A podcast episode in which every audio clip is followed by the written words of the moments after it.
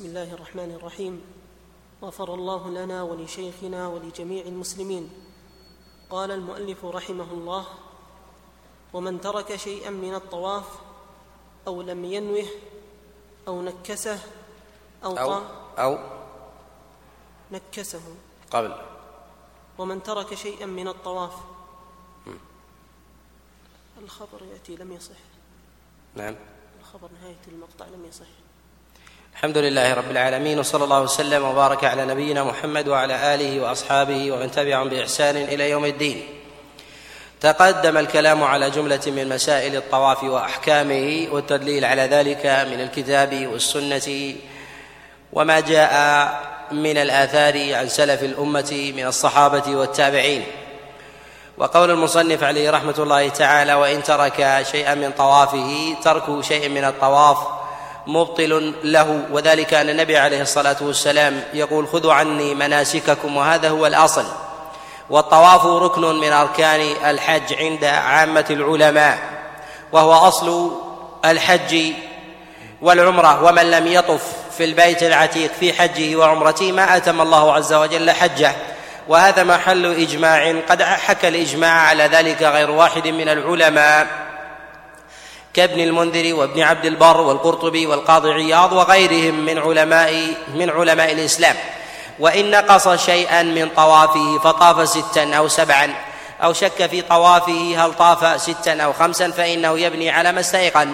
وهذا محل إجماع عند العلماء. قد حكى إجماعهم ابن المنذر وغيره أن من ترك شيئا من طوافه بالسهو أو الشك فإنه يبني على ما استيقن في حال شكه وفي حال نسيانه يتمه ثم يبني بعد ذلك على ما كان من بعد طوافه.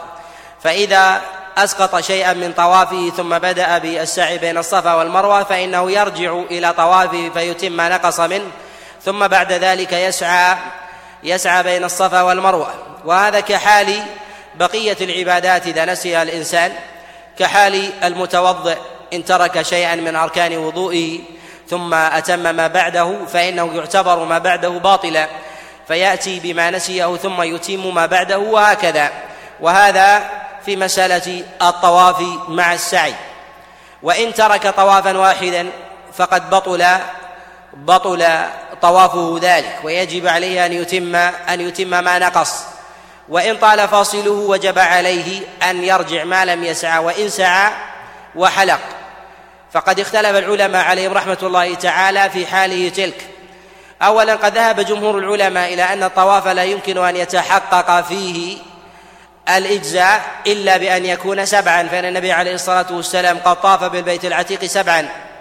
وقد ذهب بعض الفقهاء من أهل الرأي وهو قول لأبي حنيفة إلى أن من طاف ستا أو خمسا. وفي رواية عنه اربعا أن طوافه صحيح ويجبر بدم وفي رواية عنه أنه لا يجبر بدم. والمشهور عن أبي حنيفة عليه رحمة الله أنه إن طاف أكثر طوافه وسعى أكثر سعيه وهذا مضطرد عنده حتى في رمي الجمار إن رمى اربعا أو خمسا أو ستا ولم يتم السابع أو السادس أو الخامس قال فإن رميه أو سعيه أو طوافه صحيح. على خلاف في الدم عنده والذي عليه جمهور العلماء أن ذلك باطل. وهذا القول مروي عن غير واحد من أهل الكوفة كسفيان الثوري وذهب إليه أيضا بعض الفقهاء في في رمي الجمار كعطاء بن أبي رباح وطاووس بن كيسان وقد جاء أيضا فيه التجوز في بعض الأخبار عن عبد الله بن عمر وأبي سعيد الخدري وإسناده ضعيف فقد رواه الفاكهي في كتاب أخبار مكة ولا يصح في ذلك شيء عن أحد من أصحاب رسول الله صلى الله عليه وسلم. وعليه يعلم أن من ترك طوافا واحدا من طوافه عند البيت العتيق متعمدا فإن طوافه باطل ويستثنى من ذلك إذا طاف الإنسان ستا أو طاف خمسا من باب الشك أو النسيان أو منعه من ذلك مانع وحبسه من ذلك حابس ثم انصرف فسعى بين الصفا والمروة أو كان قصوره ذلك في سعيه بين الصفا والمروة ثم انصرف فإنه قد يقال بإجزائه على قول أهل الرأي خاصة إذا اقترن بذلك الضرورة أو فعل الإنسان ذلك ناسيا أو جاهلا حتى رجع إلى أهله. وهل يجب عليه دم في ذلك أم لا؟ الذي يظهر والله أعلم أنه لا يجب عليه الدم في الطواف. أما في السعي فهو أظهر عند من قال بالدم إلا أن الذي يظهر لي والله أعلم أن الدم لا يجب عليه في الحالين. وذلك أن الدم لا بد عليه من دليل ولا أعلم في ذلك دليلا في هذه المسألة بخصوصها. وقد تقدم تقرير المسألة في وجوب الدم عند من ترك واجبا عند العلماء والكلام على أثر عبد الله بن عباس في هذا الباب معلوم وتقدم ذكر الأوجه في هذه المسألة. نعم. أو لم ينوه. يقول أو لم ينوي الأصل أن العمل لا بد له من نية وذلك لما رواه البخاري ومسلم من حديث عمر بن الخطاب أن النبي عليه الصلاة والسلام قال إنما الأعمال بالنيات.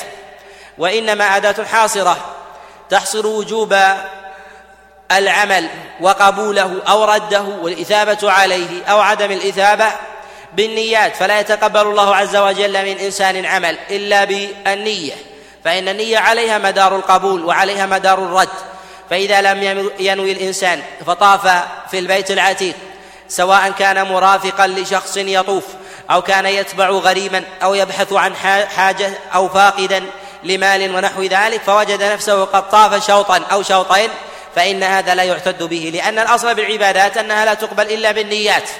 وهذا من جهة ترتب الثواب وارتفاع العقاب.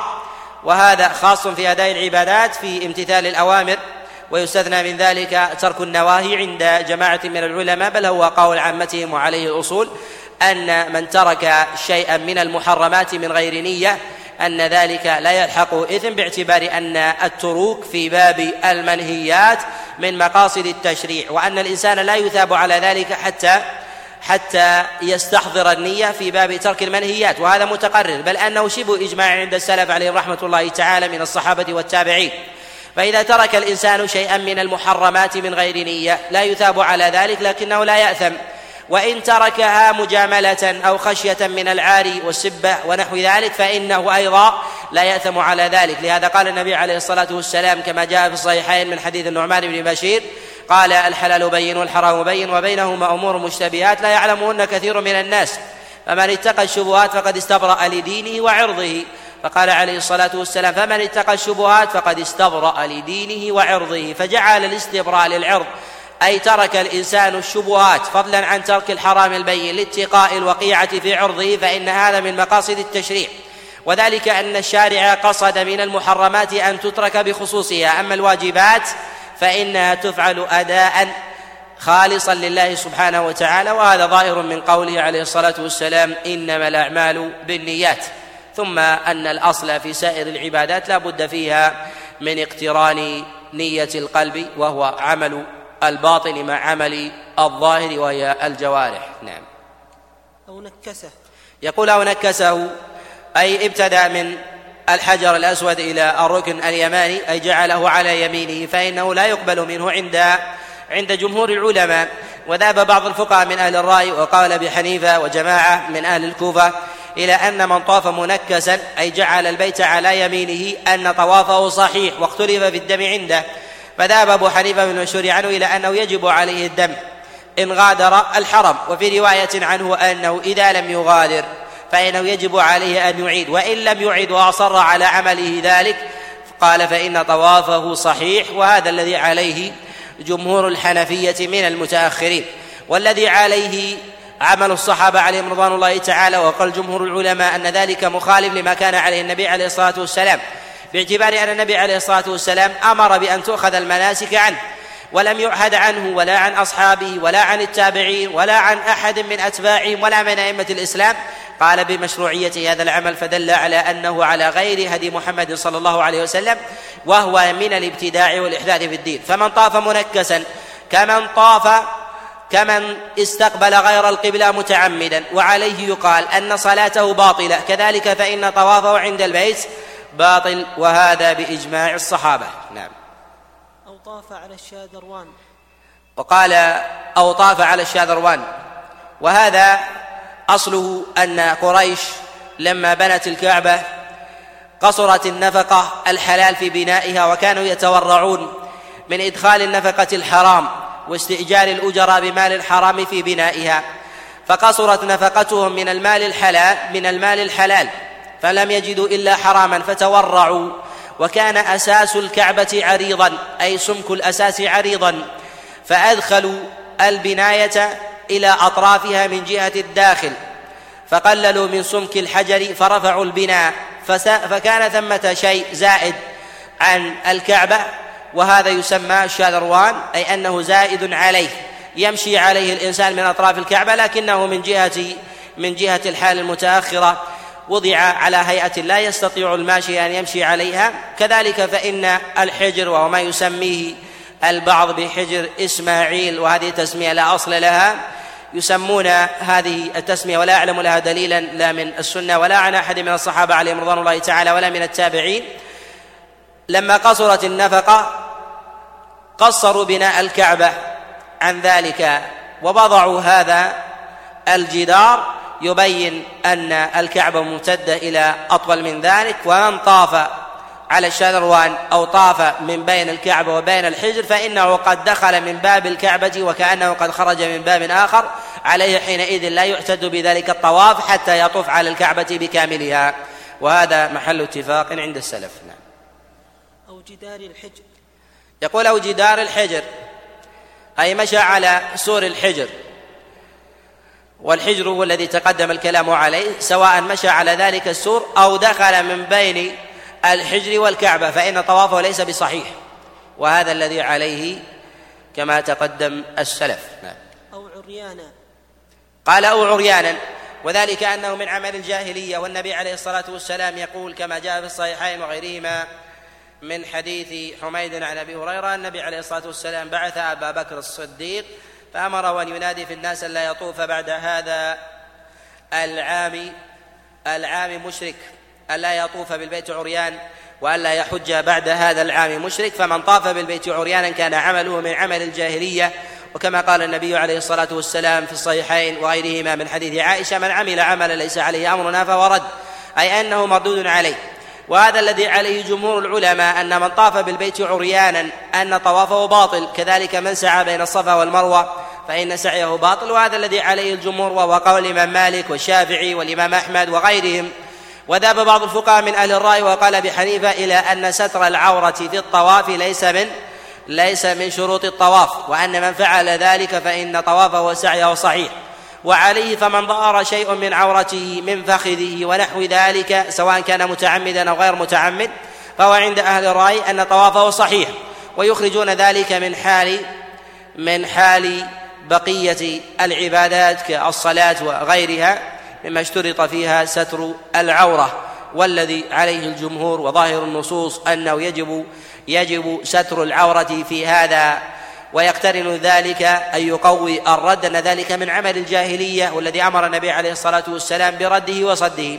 ويستثنى من هذا من كان جا من كان على جهل فلم يعلم بحكم ستر العورة فأبرز فخذه سواء عامدا أو جاهلا عامدا مثلا لحكة ونحو ذلك ورآه غيره أو رأى نفسه ونحو ذلك أو كان غير متعمد من سهو ونسيان فرفعه أو رفعه غيره أو سقط منه من غير علم فإن هذا فإن هذا معذور. نعم.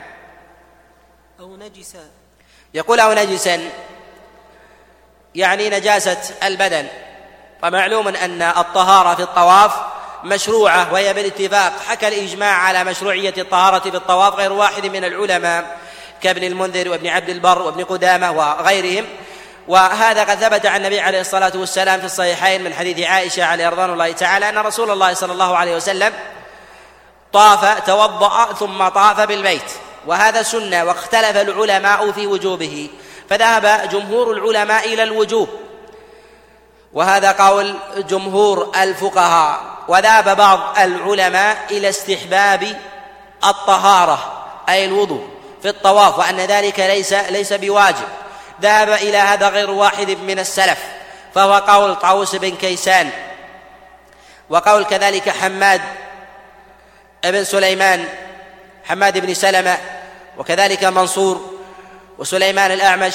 فقد روى ابن أبي شيبة في كتابه المصنع من حديث شعبة بن الحجاج قال سألت حمادا ومنصورا وسليمان عمن يطوف بالبيت بلا طهارة فقالوا لا بأس. وهذا من أئمة السلف. وهذا رواية عن الإمام أحمد ورجحه غير واحد من المحققين كشيخ الإسلام ابن تيمية والذي عليه الجمهور الوجوب.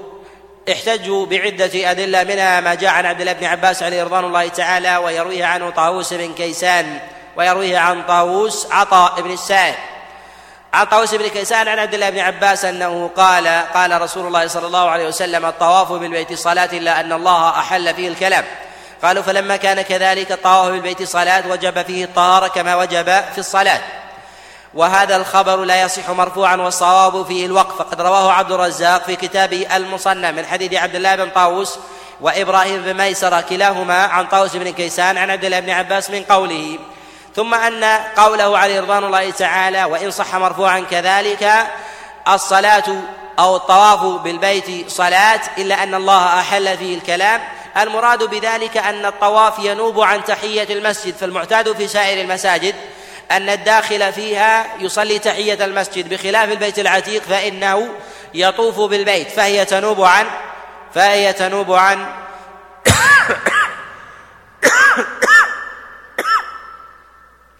فهي تنوب عن الصلاة. وقد أباح الله سبحانه وتعالى فيها غير الكلام أباح فيها الحركة والانصراف عن القبلة وغير ذلك. وهذا وهذا ظاهر. وعليه يقال أن أحكام الصلاة لا تلحق أحكام الطواف. والراجح في هذا الواقع قد رجحه غير واحد من العلماء كالإمام الترمذي عليه رحمة الله تعالى وكالدار قطني وغيره. و عبد الله بن طاووس أرجح ممن يرويه وهو أعلم الناس بأبيه طاووس بن كيسان. كيف وقد اقترن به إبراهيم بن ميسرة عن طاووس عن عبد الله ابن عباس عليه رضوان الله تعالى. عليه لا يحتج به وذلك أنه من جهة الأصل أنه قول لصحابي هذا من جهة النظر. ثم أنه لو صح مرفوعا عن رسول الله صلى الله عليه وسلم لا يحتج به كذلك. أما النجاسة على البدن أو على اللباس فتجب إزالتها باتفاق العلماء. لكنهم قد اختلفوا في صحة ذلك. هل هي كحكم الصلاة أن من صلى وعليه نجاسة؟ أن صلاته باطلة كذلك الطواف. اولا يقال أن من صلى وهو ناسي أو غير عالم أو جاهل وعلى بدنه أو على لباسه شيء من النجاسة فإن صلاته وطوافه صحيح. وذلك أن رسول الله صلى الله عليه وسلم قد صلى وفينا عليه نجاسة ثم وهو في أثناء صلاته نزعها وقد ساله الصحابة عليهم رضي الله تعالى فقال النبي عليه الصلاة والسلام إن جبريل أبلغني بما فيها. فنزعها رسول الله صلى الله عليه وسلم فدل على أن الناس والجاهل يعذر في ذلك وهو في الطواف وهو في الطواف كذلك. هذا في حال إلحاق حكم الطواف بحكم الصلاة إلا أنها لا تلحق بذلك للاختلاف من وجوه عده عليه يقال أنه لا بد من دليل يخص الطواف في هذه المسائل. نعم. أو نجسا لم يصح ثم يقول لم يصح يعني طوافه. تقدم الكلام على هذه المسائل وبه يعلم صحتها من عدمه. نعم. ثم يصلي ركعتين خلف المقام. يقول ثم يصلي ركعتين خلف المقام. أي بعد انتهائه من الطواف. وتقدم الكلام أنه لم يثبت عن رسول الله صلى الله عليه وسلم في الطواف ذكر معين إلا ما كان بين ما كان بين الركنين. أن النبي عليه الصلاة والسلام يقول ربنا آتنا في الدنيا حسنة وفي الآخرة حسنة وقنا عذاب النار. وهذا قد جاء في السنن من حديث مولى بن عن أبيه عن عبد الله بن السائب. أن النبي عليه الصلاة والسلام كان يقول بين الركنين ربنا آتنا في الدنيا حسنة وفي الآخرة حسنة وقنا عذاب النار. ولا يصح شيء من ذلك عن النبي عليه الصلاة والسلام مما يرويه الفقهاء من الدعاء. ويذكر بعض الفقهاء اللهم اجعل هذا الحج مبرورا والذنب مغفورا والسعي مشكورا. واغفر لنا ما لا نعلم إنك أنت العز العز الأكرم. وهذا قد استحبه غير واحد من الأئمة كالإمام الشافعي رحمة الله تعالى وجماعة من الفقهاء من الحنابلة والشافعية. ولا دليل على ذلك. وإن سبح وهلل في طوافه واستغفر وذكر الله عز وجل بأي نوع من أنواع الذكر فإن هذا لا حرج لا حرج فيه. وإن قرأ القرآن في حال الطواف فقد نص غير واحد من العلماء إلى عدم مشروعية قراءة القرآن بالطواف. نص على ذلك الإمام مالك وكره الإمام أحمد عليه رحمة الله تعالى في المشهور عنه. وذهب جماعة من العلماء إلى مشروعية ذلك نص عليه الإمام الشافعي عليه رحمة الله تعالى وغيره. وقراءة القرآن ثبتت عن بعض الصحابة عليهم رضوان الله تعالى فقد ثبت عن بعض السلف فقد ثبت ذلك عن مجاهد بن جابر كما روى ابن أبي شيبة وغيره أنه كان يعرض القرآن على عثمان في طوافه. وهذا إسناد صحيح عن مجاهد بن جبر عليه رحمة الله. وكما تقدم أنه يمسك عن التلبية إن شرع بالطواف والاستمرار بالتلبية في الطواف خلاف السنة ولا يعلم التلبية في الطواف عن أحد من السلف لا من الصحابة ولا من التابعين إلا نزر إلا نزر يسير ولهذا قال ابن عيينة لا أعلم أحدا يلبي في طوافه إلا ما كان من إلا ما كان من عطاء إلا أنه قد روي ذلك عن غير واحد من السلف كإبراهيم النخعي وغيره. وهذا لم يثبت النبي عليه الصلاة والسلام وتقدم أنه ينبغي أن يمسك المحرم عند أدنى الحل ثم يدخل ثم يدخل الحرم. ثم بعد ذلك ينصرف إلى أداء ركعتين والسنة في ذلك أن يكون لكل سبع ركعتين لكل سبع ركعتين ويكره الإقران. والإقران أن يقرن أكثر من من سبعة أشواط بركعتين. قد كره ذلك أكثر السلف ويسميه الفقهاء الإقران فهو مكروه.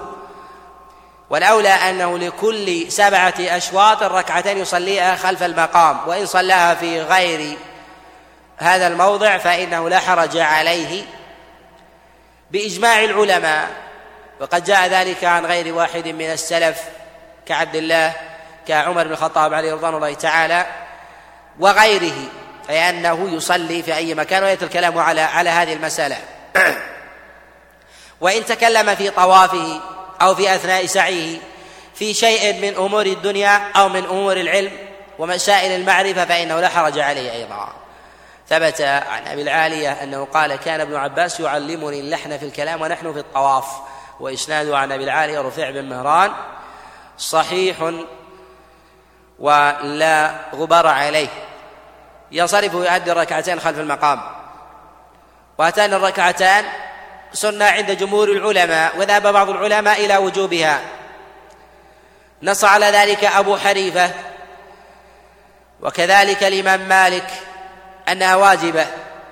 إلا أن أبا حنيفة قال أنها لا تجبر دم في حال في حال تركها. وذهب الإمام مالك عليه رحمة الله تعالى إلى أن من تركها متعمدا أو ناسيا فإن عليه عليه الدم. وهذا المشهور عنه. وثمة رواية أخرى عنه إلا أنه لا يجب عليه الدم والذي يظهر والله أعلم أن أداءها سنة. وإن وافقت فريضة فإن وافقت فريضة فصلى بعد الطواف. هل تجزي عنه أم لا؟ الذي يظهر والله أعلم أنها لا تجزي عنه. وهذا الذي عليه الجمهور. وذهب جماعة من السلف إلى أنها تجزي عنه. روي ذلك عن طاووس وعطاء وغيرهم. والذي يظهر والله أعلم أنها عبادة قد ثبتت بدليل بمناسبة معينة فلا يجزي فلا تجزي عنه. وذلك أن الصلاة لا تجزي عن الطواف بل أن الطواف هو الذي يجزي عن الصلاة فدل على أنه استقل بذاته. فالصلاة تبع متعلق بالطواف. فالفريضة هنا لا تجزئ لا تجزئ لا تجزئ عنه يصلي ركعتين خفيفتين. قد جاء عند الإمام مسلم عليه رحمة الله تعالى في الصحيح من حديث حاتم بن إسماعيل عن جابر بن محمد عن أبيه عن جابر بن عبد الله أن النبي عليه الصلاة والسلام قرأ في هاتين الركعتين بسورة الإخلاص بقل يا أيها الكافرون وقل هو الله أحد. وهذا وهذا الذي يظهر والله أعلم أنه أنه لا يصح مرفوعا. والصواب فيه أنه من فعل محمد والد جعفر. ولا يصح مرفوع النبي عليه الصلاة والسلام. وذلك أنه قد رواه غير واحد عن جعفر بن محمد ولم يذكروه عن النبي عليه الصلاة والسلام. كما بين ذلك الخطيب البغدادي في كتابه في كتابه الفصل. وكذلك قد نبه على هذا أبو حاتم كما في العلل بل قال بإنكار ذلك. قال أنه أنه منكر. أي قراءة هاتين السورتين في ركعتي الطواف. وهذا هو الأصل. فقد رواه وهيب وأبو أويس عن جعفر بن محمد وعن أبيه وعن جابر بن عبد الله ولم يذكروا قراءة السورتين وهذا الذي رجحه الخطيب وأبو حاتم وغيرهم. وإن صلاها في غير هذا الموضع لا حرج عليه وهي جائزة في أي موضع بالإجماع على خلاف عند العلماء في الصلاة في الحجر. ف أو في الكعبة هل تجزي عن أداء الركعتين بعد الطواف أم لا؟ ذهب الجمهور إلى أنها إلى أنها تجزئ عنه. فذهب أبو حنيفة إلى عدم إلى عدم الإجزاء. وهذا الذي يظهر والله أعلم فيه أنها تجزي في أي موضع. فقد ثبت عن عمر بن الخطاب عليه رضوان الله تعالى أنه صلى ركعتي الطواف بذي طوى وإذا كانت صلاة الركعتين قد وافقت وقت نهي فهل يصليها أم لا؟ الذي يظهر والله أعلم أنه لا حرج عليه أن يصليها. فقد ثبت ذلك عن غير واحد من السلف. وهو الذي عليه أكثر الصحابة كما قال ذلك ابن المنذر أن أكثر السلف من الصحابة يصلونها حتى وإن كان وقت نهي. ثبت ذلك عن عبد الله بن عمر عليه رضوان الله تعالى وثبت عن عمر بن الخطاب أنه كان صلاها بذي طوى لأنها كانت أدركته في وقت نهي. رواه عنه الإمام مالك والبيهقي وغيرهم من حديث حميد بن عبد الرحمن عبد الرحمن بن عبد القاري عن عمر بن الخطاب عليه رضوان الله تعالى وجاء هذا أيضا عند عند ابن أبي شيبة وغيره عن نافع عن عبد الله بن عمر أنه كان إذا طاف بعد الفجر لم يصلي ركعتين حتى تطلع الشمس وإذا طاف بعد العصر لم يصلي ركعتين حتى تغرب الشمس. وروي عنه خلافه عند سعيد بن منصور في السنن من حديث عمرو بن دينار عن عبد الله بن عمر خلاف ذلك ما يدل على أن الأمر في ذلك سعه إن صلى في وقت إن صلى في أوقات النهي ركعتي الطواف أنه لا حرج عليه وإن لم يصلي واجخره إلى ما بعد وقت النهي فإنه لا حرج لا حرج عليه. وأعلى شيء وابتنه في هذا الباب ما جاء عن عمر بن الخطاب عليه رضوان الله تعالى ما تقدم الذي قد رواه الإمام مالك عن عمر بإسناد بإسناد صحيح. وهذا يدل على أنه إن صلاها حتى في بيته خارج المسجد أنه لا حرج لا حرج عليه.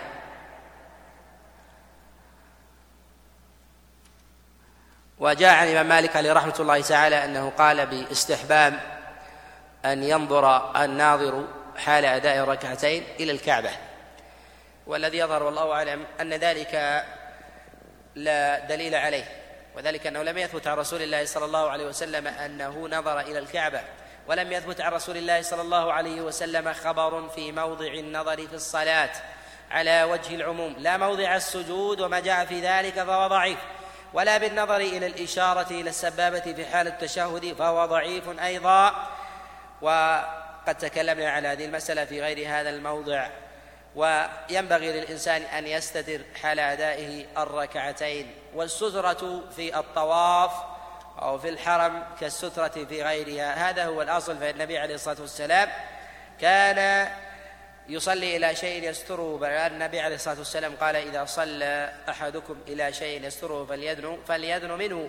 قد كان النبي عليه الصلاة والسلام إذا ارتحل أو سافر حمل معه عنزة وهي عصا يجعلها بينه وبين القبلة.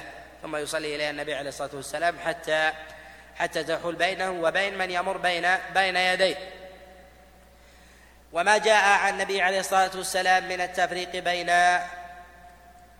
السترة بمكة والتخفيف فيها فإنه لا يصح. فقد روى أبو داود في كتابه السنن من حديث كثير بن كثير بن المطلب بن أبي وداع عن أبيه عن جده. النبي عليه الصلاة والسلام كان يصلي في المطاف والرجال والنساء يمرون بين يديه لا يسرهم منه شيء. وهذا وهذا منكر لحال لحال كثير. وقد تبع عليه عند الطبراني إلا أنه لا يحتج بهذه المتابعة.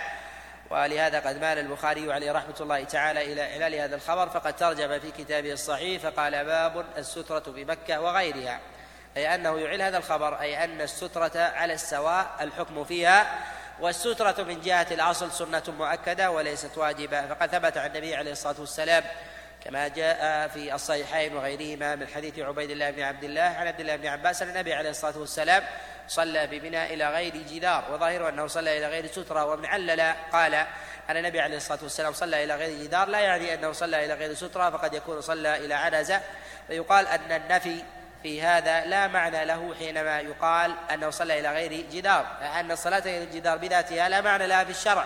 فحينما نفى الجدار دل على أنه أراد نفي نفي السترة. وقد ثبت عن غير واحد من السلف أنه كانوا يصلون إلى غير السترة. ثبت ذلك عن عروة بن الزبير وغيره كما روى ابن أبي شيبة وغيره من حديث هشام بن عروة. عن أبيه قال أن أبي كان يصلي إلى غير سترة في الفلاة وهذا لا حرج فيه. وما جاء النبي عليه الصلاة والسلام أنه كان يضع بينه وبين القبلة خطا فقد رواه أبو داود إسناده وإسناده ضعيف وقد احتج وعمل به الإمام أحمد عليه رحمة الله. نعم. فصل. ثم يستلم الحجر. يقول هنا فصل ثم يستلم الحجر. هذا الفصل لفصل المسائل بعضها عن بعض وهو شبيه بالوقف وإلا في المسائل المتعلقه ببعضها ثم قال لذا قال ثم يقبل الحجر أي بعد أداء الركعتين. تقبيل الحجر قد دل عليه الدليل في مواضع معدودة.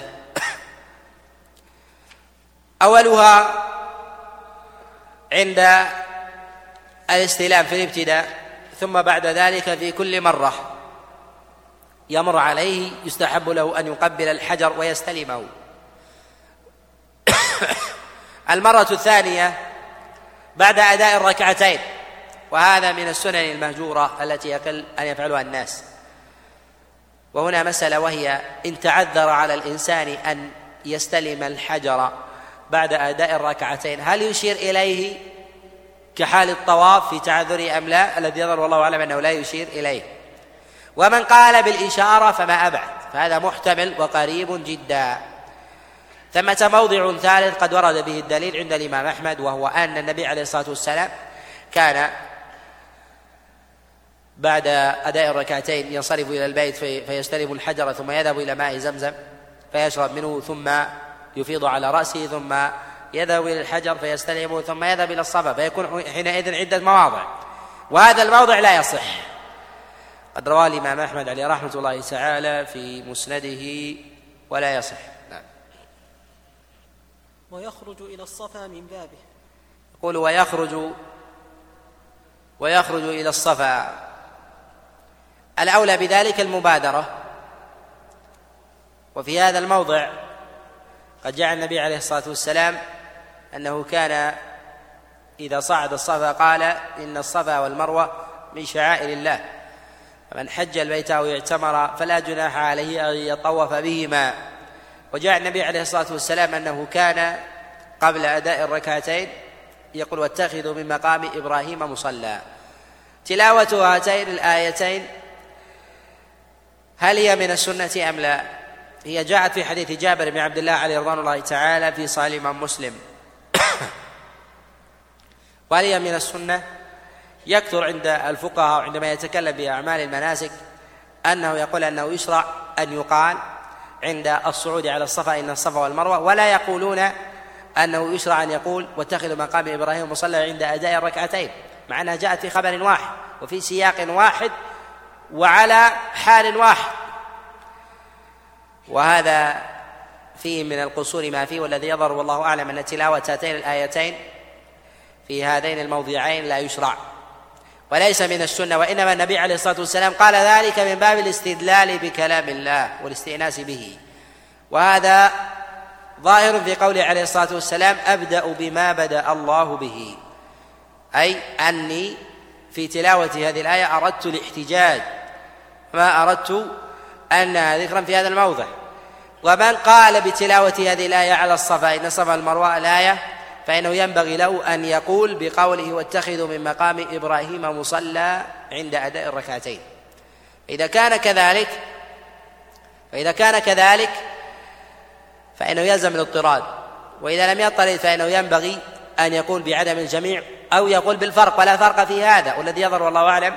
أنها لا تشرع في كلا الموضعين. ينصرف إلى الصفا أي يبتدئ به ولا يبتدئ بالمروى وهذا هو الأصل. فمن سعى بين الصفا والمروة منكسا أي ابتدأ بالمروة فقد خالف هدي النبي عليه الصلاة والسلام. وسعيه باطل عند جمهور العلماء فلا يعتد بأول سعيه فيكون سعي الأول من المروة إلى الصفا مخالف للسنة. ثم بعد ذلك يعد ما سعاه من المروة من الصفا إلى المروة هذا أول سعيه. وما قبله باطل مخالف لهدي النبي عليه الصلاة والسلام وهو بالابتداع الحادث. وقال بصحته بعض أهل الرأي وقول أبي حنيفة وغيره. فقال بعض الفقهاء من أهل الرأي أنه يجبر أنه يجبر بدم. نعم. فيرقاه حتى يرى البيت. يقول فيرقاه حتى يرى البيت. يشرع في أثناء ذلك أن يغطي كتفيه فلا يطبع وذلك أن الإطباع خاص بطواف القدوم.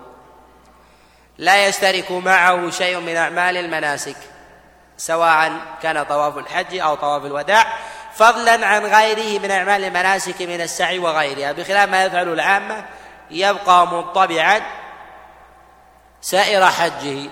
بل بعضهم يطبع عند لبس الإحرام وهذا ليس من هدي النبي عليه الصلاة والسلام. يستر منكبيه ثم يصعد الصبا حتى يرى البيت. سواء رآه بذاته وإنما يتوجه يتوجه إليه وهذا مقتضى الرؤية من جهة الأصل. وإلا قد يرى الإنسان البيت من غير أن يستقبله. لكن لأنه متضمن للدعاء فإن في هذا فإن هذا من مواضع الدعاء ويشرع في حال الدعاء أن يستقبل البيت وخاصة في هذا الموضع. وإن لم يره فإنه يتجه ناحيته إذا منعه من ذلك مانع من من من المباني أو الأعمدة الحديثة فإنها تمنع الصاعد على الصفا والمروة. نعم. ويكبر ثلاثا يقول ويكبر ثلاثا. التكبير على الصفا والمروة ثلاثا. قد جاء عن النبي عليه الصلاة والسلام وجاء عن عمر بن الخطاب أنه كبر سبعا ثم يحمد ويهلل ويدعو. وجاء عن عبد الله بن عمر عليه رضوان الله تعالى أنه كان يكبر ثلاثا. يكبر ثلاثا وهذا هو السنة. ويقول ما جاء عن النبي عليه الصلاة والسلام من دعاء من ذكر ثم يدعو ما شاء. ولا يثبت عن النبي عليه الصلاة والسلام حد وقدر معين في حال الدعاء على الصفا وإنما يدعو ويطيل كما كان النبي عليه الصلاة والسلام يطيل. لكن قد روى إبراهيم النخعي قال كانوا يعني أصحاب عبد الله بن مسعود عليه رضوان الله تعالى يقفون على الصفا والمروة قدر خمس وعشرين آية. ويعني مجمل وقوفهم. نعم. ويقول ما ورد.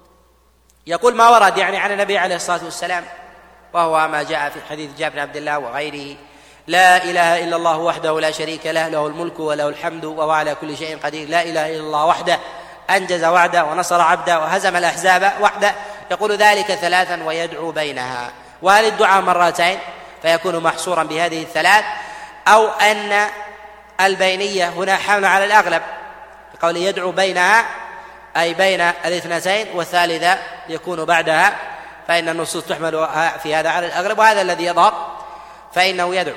إلا أن بعض القرائن تعضد على أن بعض الأذكار أو بعض الأعمال في الحج أنه لا يكون بعدها شيء لكن هذا يقال أنه في بعض الأعمال. وهذا النبي عليه الصلاة والسلام في حال انتهائه من الصفا لا يقف. وفي حال انتهائه من رمي الجمرة الأخيرة لا يقف وينصرف ولا يدعو ولا يدعو عندها. قد يقال أو قد يقال بأن هذا من القرائن بعدم الدعاء بعد التهليل والتكبير الثالث وهذا محتمل إلا أنه ليس ليس بصريح.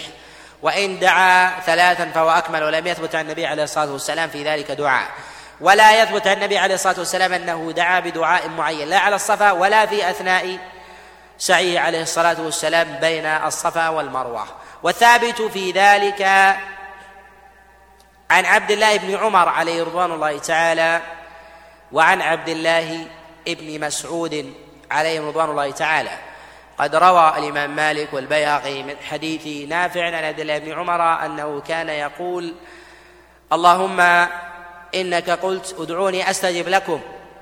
اللهم كما هديتني للإسلام فلا تنزعه مني حتى تميتني وأنا مسلم. وهذا إسناده صحيح وهذا إسناده صحيح عن عبد الله بن عمر عليه رضوان الله تعالى.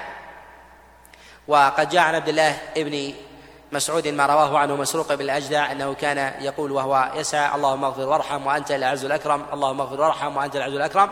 وإسناده عنه أيضا صحيح. فيدعو الإنسان بما شاء والدعاء في ذلك كما جاء في الطواف. إن شاء كان ذكرا مطلقا وإن شاء كان ذلك من جملة الأدعية العامة. وإن تحدث ببعض ما يعنيه ويهمه من شأن أمر الدنيا إلا أنه ينبغي والأولى ألا يغلب عليه فإن هذا من مواضع من المواضع العظيمة التي ينبغي الإنسان أن يشغلها بالدعاء والذكر والابتهال والتضرع أو خضوع القلب وانشغاله. ويسعى بين الصفا والمروة سعيا شديدا كما جاء في ذلك عن رسول الله صلى الله عليه وسلم. نعم. ثم ينزل ماشيا إلى العلم الأول. قال ثم ينزل في ذلك ماشيا إلى العلم الأول. علمين هما الملال الأخضران عن يمين ويسار الساعي بين الصفا والمروة وهما أقرب إلى الصفا من المروة. وهما بطن الوادي وإنما وضعا لأنه قد اختفى بطن الوادي واستوت الأرض.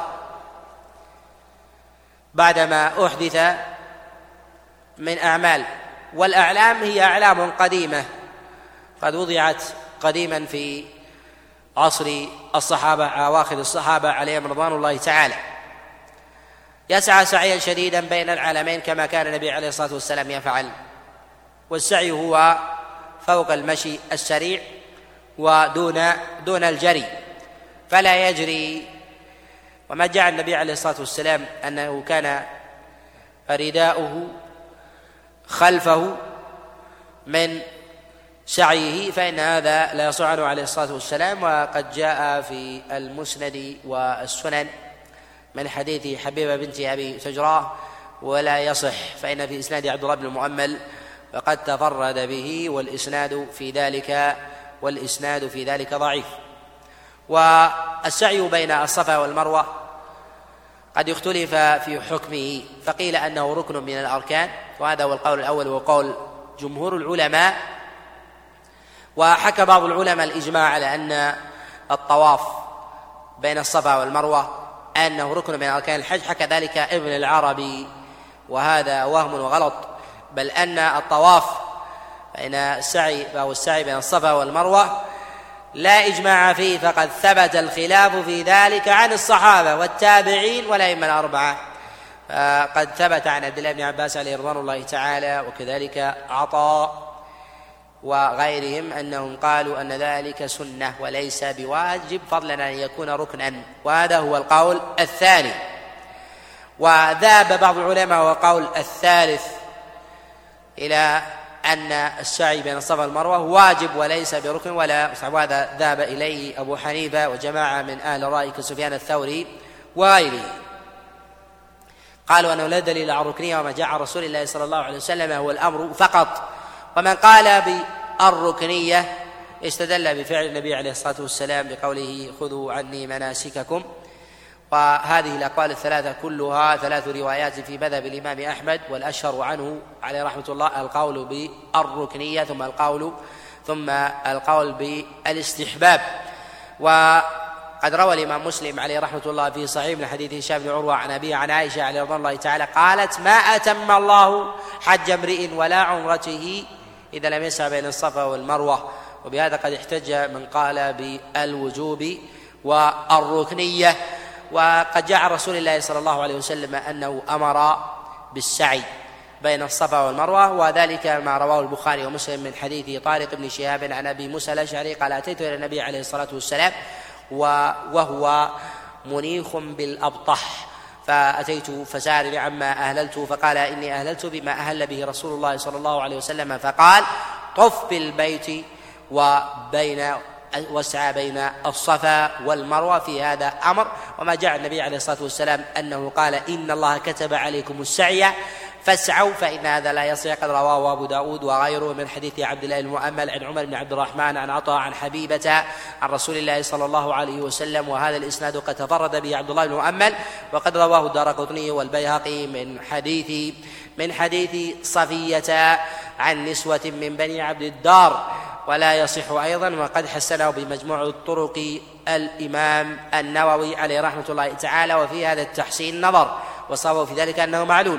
وأصح وأمثل ما جاء في ذلك حديث أبي موسى الأشعري وحديث عائشة عليه رضوان الله تعالى وموقوف عليها. ويكفي بذلك أن النبي عليه الصلاة والسلام قال خذوا عني خذوا عني مناسككم. ولم يترك النبي عليه الصلاة والسلام السعي بين الصفا والمروة بل النبي عليه الصلاة والسلام لم يترك السعي السابع فضلا عن أصل السعي في عمرة من عمره أو في حجه عليه الصلاة والسلام. قبل قبل هجرته وبعد هجرته فإنه ثبت عن رسول الله صلى الله عليه وسلم أنه قد حج قبل أن يهاجر عليه الصلاة والسلام. ولا أحد من أصحابه. وما جاء عن عبد الله بن عباس فيما رواه ابن أبي شيبة وغيره من حديث عطاء عن عبد الله بن عباس أنه قال أنه قال لا بأس في من لم يسعى بين الصفا والمروة إن شاء فعل وإن شاء لم يفعل. وكذلك قد جاء عن عطاء بن أبي رباح من فتوى بنحو قول عبد الله بن عباس عليه رضوان الله تعالى وهو رواية عن الإمام أحمد عليه رحمة الله. وما جاء عن عبد الله بن عباس حمله بعضهم أنه على النسيان كما ترجم على ذلك ابن أبي شيبة في مصنفه فإنه قال باب في من نسي السعي بين الصفا والمروة ثم أورد فيه ما جاء عن عبد الله بن عباس وعن عطاء وهذا محتمل. ومنهم من قال أن ذلك غير وارد وذلك أن عبد الله بن عباس قال إن شاء فعل وإن شاء لم يفعل. أي أصل المسألة لا أنه يطرأ عليه نسيان أو عدمه. نعم. ثم يسعى شديدا إلى الآخر. يقول ثم يسعى شديدا إلى الآخر. قد استحب بعض العلماء الوضوء في السعي. قالوا وهو كالطواف. ولا أعلم في ذلك دليلا إلا ما يؤخذ من قرينة الاستدامة. فالنبي عليه الصلاة والسلام توضأ لطوافه ثم بعد ذلك سعى بين الصفا بين الصفا والمروة والغالب على من توضأ لطوافه أنه يبقى على طهوريته لسعي بين الصفا والمروة. فيقال بهذه القرينة أما دليل مستقل فلا أعلم في ذلك دليلا. ومن قال بالاستحباب ففيه ما فيه. ولا يشرع بعد الانتهاء من الصفا من السعي بين الصفا والمروة صلاة كالطواف خلافا لما جاء عن الشافعية الذين قالوا أو بعض الفقهاء من الحنفية الذين قالوا بمشروعية ذلك فإن هذا لا دليل لا دليل عليه. وما جاء من أخبار عن النبي عليه الصلاة والسلام بالصلاة عند ابن ماجه في سننه فإن الخبر فإن الخبر معلول. ولا يشرع للساعي بين الصفا والمروة فعل معين غير السعي والوقوف والدعاء ورفع اليدين عند دعائه. لم يثبت عن النبي عليه الصلاة والسلام أنه فعل ذلك في حجه. وإنما ثبت عن النبي عليه الصلاة والسلام أنه رفع يديه عند الصفا في فتح مكة كما جاء في صحيح مسلم من حديث أبي هريرة. لهذا يقال أن الأصل في الدعاء على الصفا أنه يشرع فيه رفع اليدين.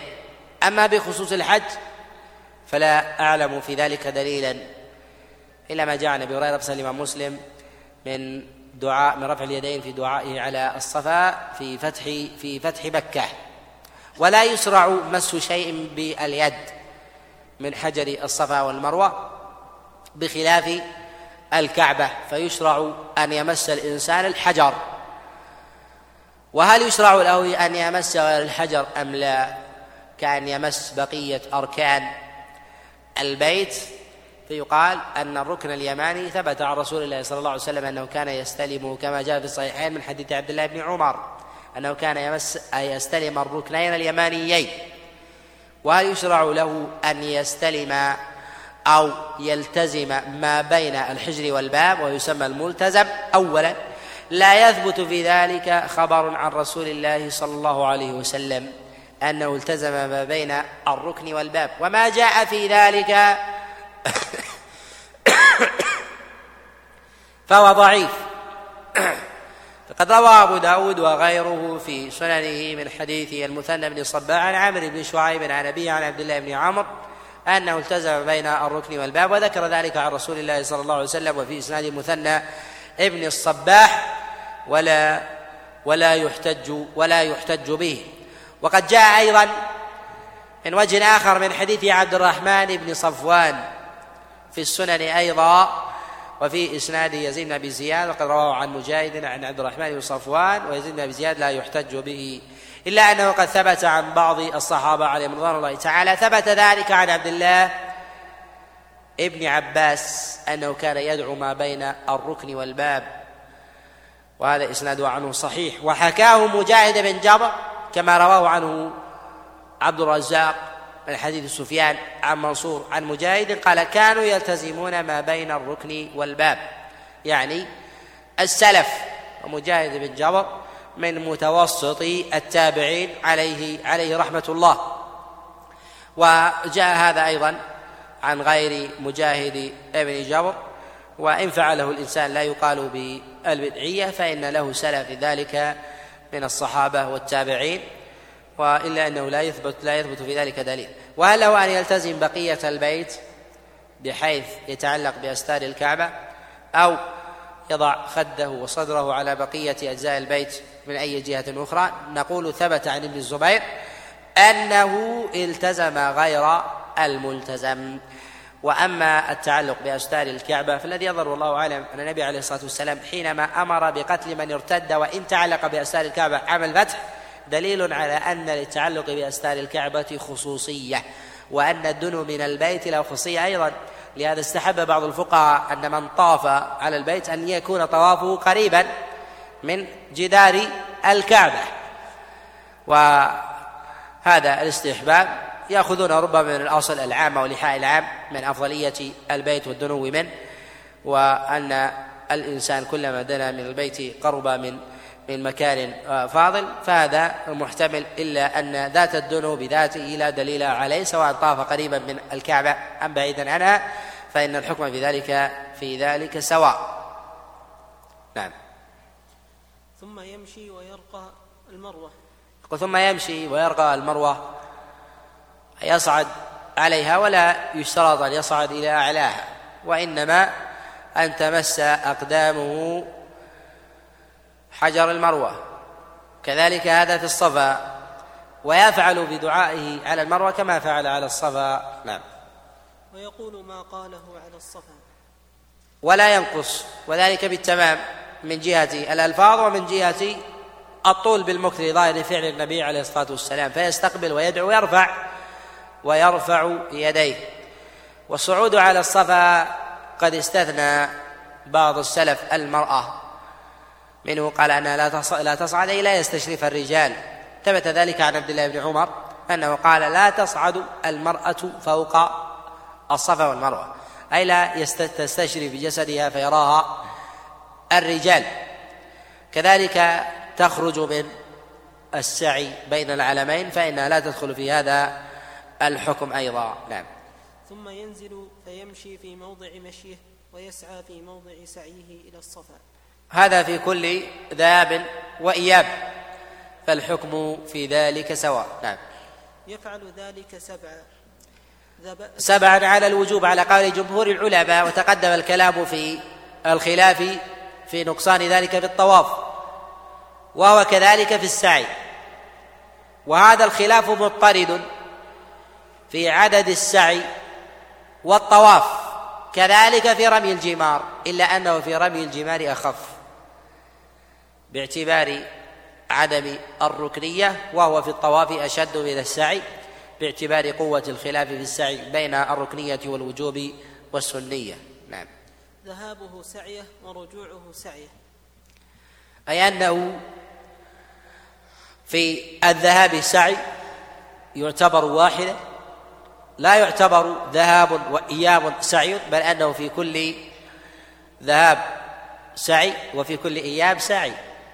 خلافا لما ذهب إليه بعض الفقهاء من الشافعية من المتأخرين وهو محكي عن ابن جرير الطبري أنه قال أن الذهاب والمجيء يعتبر واحدا وهذا لا يعول عليه وهو قول شاذ لأن الذهاب واحد والإياب والإياب واحد أيضا وهو محل إجماع واتفاق عند السلف قاطبة وعند الأئمة الأربعة. نعم. فإن بدأ بالمروة سقط الشوط الأول. أي أنه لا يعتد بسعيه الأول وإنما يعتد بابتدائه من الصفا كما تقدم الكلام عليه. نعم. وتسن فيه الطهارة والستارة والموالاة. يقول وتسن فيه الطهارة والستارة. الطهارة من الحدث كذلك طهارة البدن. تقدم الكلام على هذه المسألة بتفصيلها. كذلك الستارة ستر العورة. يشرع الإنسان يستر عورته. ولو لم يكن فيه دليل فهو واجب. لأنه موضع للرؤيا فيجب فيه أن تستر فيه العورات. ثم أنه من عمل الجاهلية التي يجب فيها مخالفة ذلك العمل. نعم. والموالاة. يقول وتجب فيها الموالاة وهذا كما أنه في الطواف كذلك في السعي. فإذا فصل طواف الإنسان صلاة فريضة فأقام المؤذن كذلك في السعي فإنه يتم. وهذا بالإجماع لا يعلم في ذلك خلافا إلا ما يروى عن الحسن أنه قال يستأنف طوافا وسعيا جديدا وهذا لا يعول عليه. فإن الإجماع على خلافه وإن فصل فصلا طويلا بنوم أو ذهاب قد ذكر المحب الطبري في كتاب القراء عن عائشة أنها سعت في ثلاثة أيام ونسبه إلى سعيد بن منصور ولا أعلم له إسنادا. ولكن يقال أن الأصل في أمثال هذه الأعمال وجوب الموالاة والفصل اليسير مغفور. والموالاة واجبة من جهة الأصل في الطواف والسعي لكن لو انفصل لغرض شرب ماء أو أداء صلاة أو لقضاء حاجة أو لتجديد وضوء أو طلب رفقة أو بحث عن مفقود فإن هذا لا يقطع الموالاة. نعم. ثم إن كان متمتعا لا هدي معه قصر من شعره وتحلل.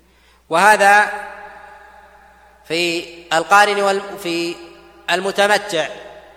أما القارن والمفرد فإنه يبقى على إحرامه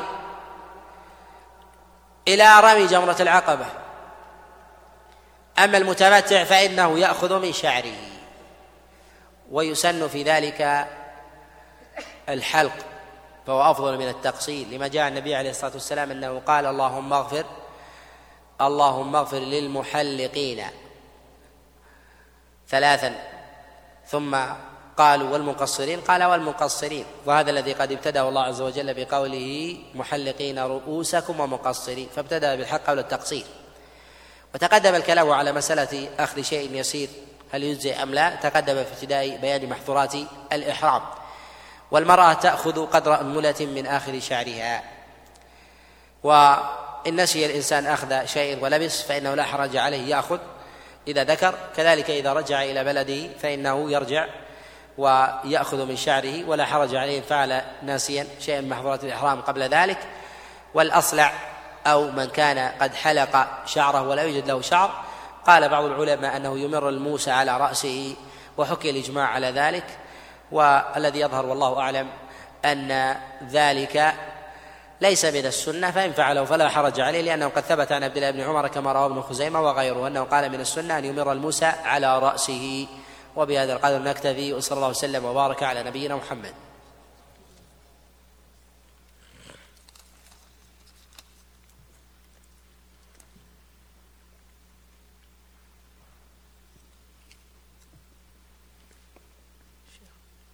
يقول من نسي ركعة الطواف وتذكرها بالسعي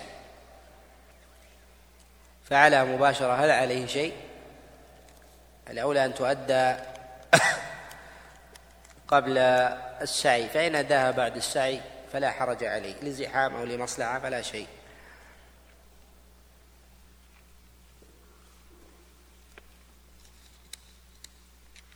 يقول هل المسلم أن يدعو في الطواف وهل يصلي على النبي عليه الصلاة والسلام؟ لا حرج في ذلك ولا دليل عليه فهو من جملة من جملة المستحبات العامة.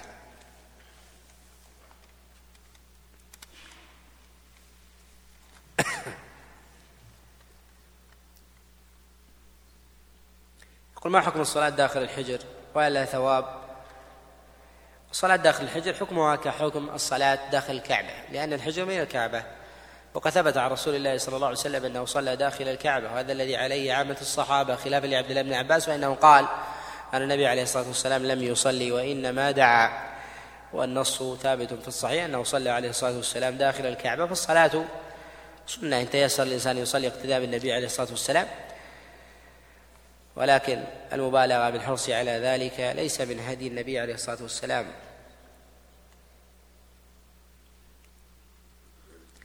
يقول إذا تجاوز الحجر الأسود في أحد الأشواط ولم يكبر وكان قريبا فهل يرجع ويكبر؟ إن تجاوز لا حرج عليه لأن التكبير سنة فات محلها يقول هل يقف المسلم ويدعو في كل مرة على الصلاة والمروة؟ نعم يدعو كما دعا ابتداء يقول هل ورد دليل على السعي بين الصفا والمروة في غير النسك؟ لا لم يرد، لهذا لا يشرع التطوع بالسعي بين الصفا والمروة، بل التطوع يكون بالطواف فيطوف الإنسان ما شاء من من الأوقات والأعداد هل يكبر الشخص في نهاية الشوط السابع وهل يرفع الشخص ويشير به عند التكبير؟ التكبير أو الاستلام عند نهاية الشوط السابع لا يثبت في ذلك شيء. جاء عند الإمام أحمد في مسنده فقال حدثنا حسن عن ابن لهيعة عن ابن الزبير عن جابر بن عبد الله أنهم كانوا يستلمون في الفاتحة والخاتمة وإسناده لا يصح في إسناد عبد الله ابن لهيعة يقول هل الدعاء الوارد يكون عند كل مرة عند الوقوف صلى المروة؟ تقدم الكلام على هذا.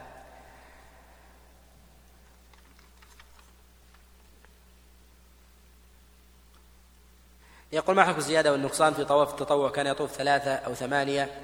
السنة أن يطوف سبعا ثم يصلي ركعتين وسبعا ثم يصلي ركعتين. وإن طاف ثلاثا وانشغل وأراد أن ينصرف فلا حرج عليه ولا يصلي.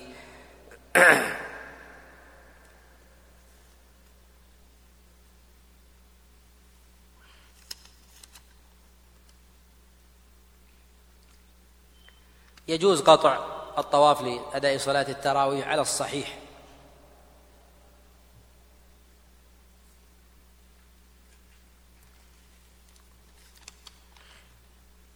يقول من أحدث في طوائف مخارج الوضوء عاد فهل يكمل؟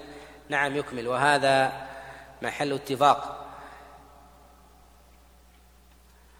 صلى الله وسلم وبارك على نبينا محمد وعلى آله وأصحابه ومن تبع باحسان إلى يوم الدين.